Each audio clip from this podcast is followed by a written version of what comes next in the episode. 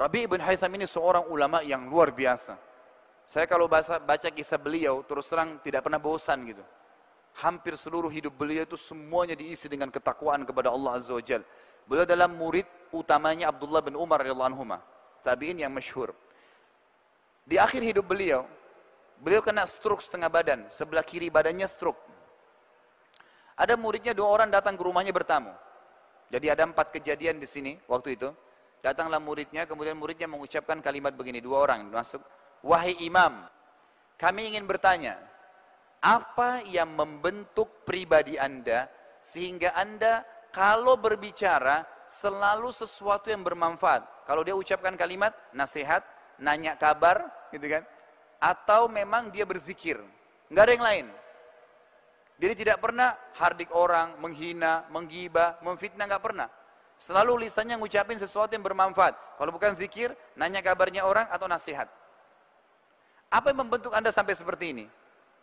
Lalu kata dia apa? Dia bilang, wahai muridku, apakah sampai sekarang kalian masih ragu ada Tuhan namanya Allah Azza wa Jal dan Allah telah menitipkan di pundak setiap kita malaikat rakib di kanan yang mencatat amal baik dan malaikat atid di pundak kiri yang mencatat amal buruk serta semua kalimat atau perbuatan yang dicatat oleh keduanya akan dibacakan dan dipertanggungjawabkan untuk kita di sana maksudnya di akhirat Artinya yang membentuk saya sampai hati-hati begini, nggak sembarangan ngomong. Yang itu karena saya tahu ada rakib, atid dan ada Allah Azza Jalla mengontrol serta saya akan dihisap oleh Tuhan saya pada hari kiamat. Kejadian yang kedua, anaknya Rabi ibn Haytham keluar dari kamar, dari dapur. Waktu kejadian itu, bawa sebuah piring jemaah sekalian, piring ini terisi makanan namanya halwa. Halwa ini waktu itu bahan bahannya mahal, buatnya susah. Dibawa keluar oleh anaknya, Kemudian dikatakan, wahai ayahku, ibuku setengah mati membuat makanan ini. Tolong makan. Ada alasannya. Ternyata Rabi Ibn Haytham ini saking tingginya ya waraknya ya warak itu tingkat kepekaan dalam masalah ya e, berhubungan dengan Allah Azza Wajal. Jadi dia dia tidak pernah menghardik istrinya, nggak pernah bilang, kenapa kau masak ini, kenapa kau tidak masak ini, tidak pernah bicara seperti itu. Apa yang dihidangkan dimakan, Bismillah, nggak pernah nggak pernah rewel gitu. Sampai istrinya malu dibuatin makanan mahal ini. Udah dikasih, dihidangkan. Lalu Rabi bin Haytham memberikan isyarat kepada muridnya baiklah. Karena struk setengah badan sebelah kiri, kanan masih bisa diambil. Mau diambil kue tersebut sudah dipotong-potong, muridnya juga mau ambil. Tiba-tiba ada kejadian, ada yang kentuk pintu rumahnya. Dia kasih isyarat anaknya suruh buka, buka pintu itu. Dibuka pintunya. Waktu dibuka jemaah sekalian di depan pintu bukan fakir miskin ya, tapi orang gila rambutnya berantakan, bajunya kotor, nggak pakai sendal, dan dalam kisah ini dikatakan dalam asar ini dari mulutnya netes air liur yang tidak nyaman untuk dilihat. Lalu dia kasih isyarat dengan tangannya minta makan.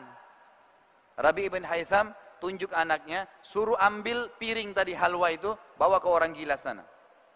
Anaknya balik, diambil piringnya, tadi halwa ini sudah dipotong-potong ya.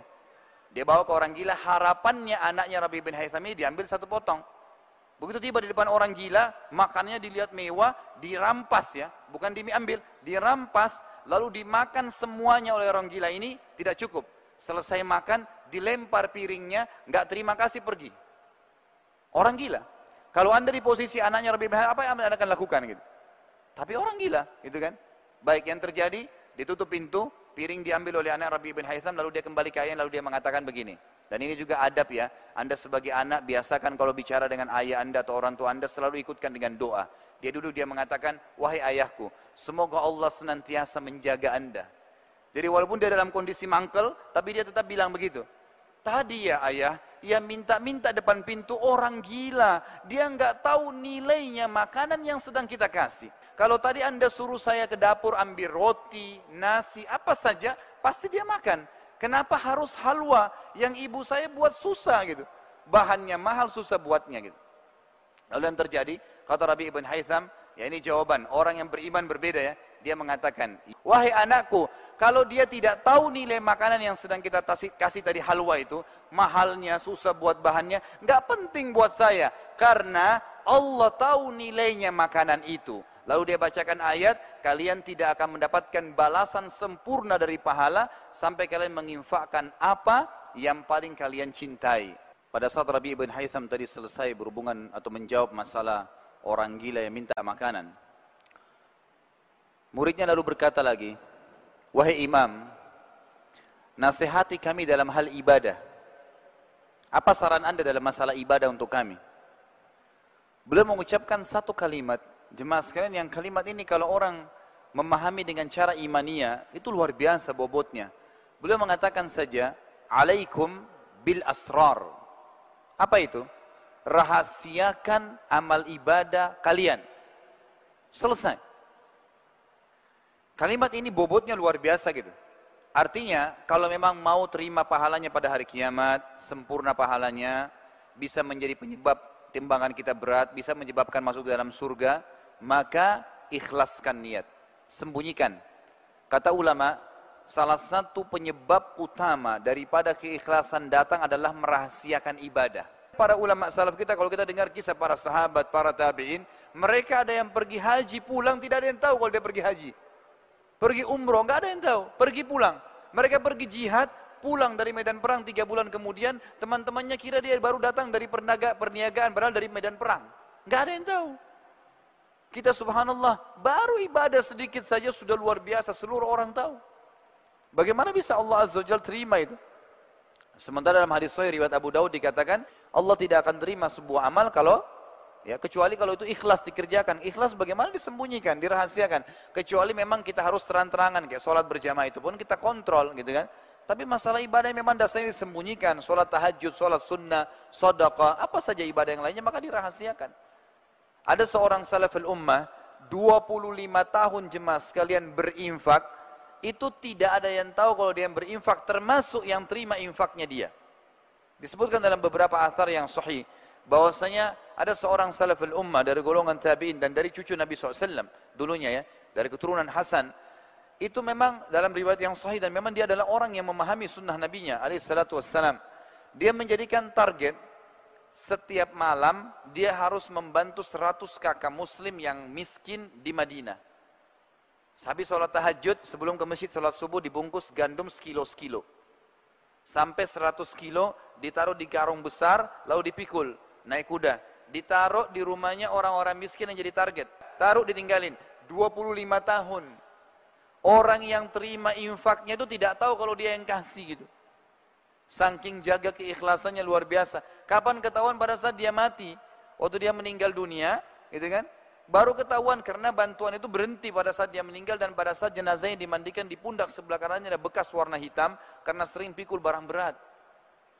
Orang lain lagi di antara salaful ummah ada yang puasa Senin Kamis. Bukan nggak boleh sampaikan ke istri ya, tapi dia ini pribadi dia, dia beristihad. Dia puasa Senin Kamis dari awal nikah sampai 20 tahun, istrinya nggak tahu kalau dia puasa Senin Kamis. Bagaimana ceritanya? Dia punya toko di tengah pasar Baghdad, setiap pagi disiapin sarapan sama istrinya. Kalau tiba hari Senin Kamis, sudah disiapin dia nggak bilang, maaf saya puasa enggak. Bungkusin buat saya. Saya bawa ke toko, dibawa pada waktu makan siang dikasih fakir miskin. Dia pulang rumahnya setelah sholat maghrib. 20 tahun dia puasa Senin Kamis, istrinya nggak tahu gitu. Itu bagaimana mereka pekahnya menjaga amal ibadah gitu. Bagaimana dengan kita subhanallah yang baru dua tahun puasa Senin Kamis. Mungkin baru infak ke yayasan satu juta. Sudah seluruh dunia tahu infak itu. Maka nasihat Rabi bin Haitham luar biasa beliau mengatakan alaikum bil asrar rahasiakan amal solehmu selesai Lalu kejadian yang keempat jemaah sekalian, waktu itu ya, pas azan duhur, orang ini stroke setengah badan. Dia kasih isyarat anaknya, suruh nopang badannya yang stroke sebelah kiri itu.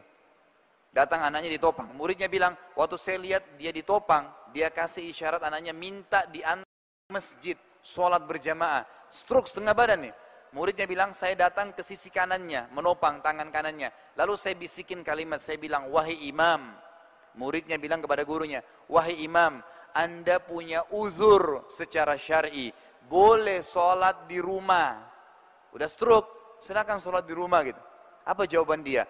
Dengan tegas dan jelas. Wahai muridku, aku mendengar muadzin mengucapkan kalimat hayya 'alas shalah, ayo salat, hayya 'alal falah, ayo menuju kepada kemenangan lalu aku salat di rumahku, demi Allah aku akan datangi panggilan Allah itu walaupun harus merangkak. Bayangkan itu orang yang mengenal Allah Azza wa tahu ada Tuhannya, nggak bakal pernah ketinggalan walaupun satu kesempatan untuk ibadah.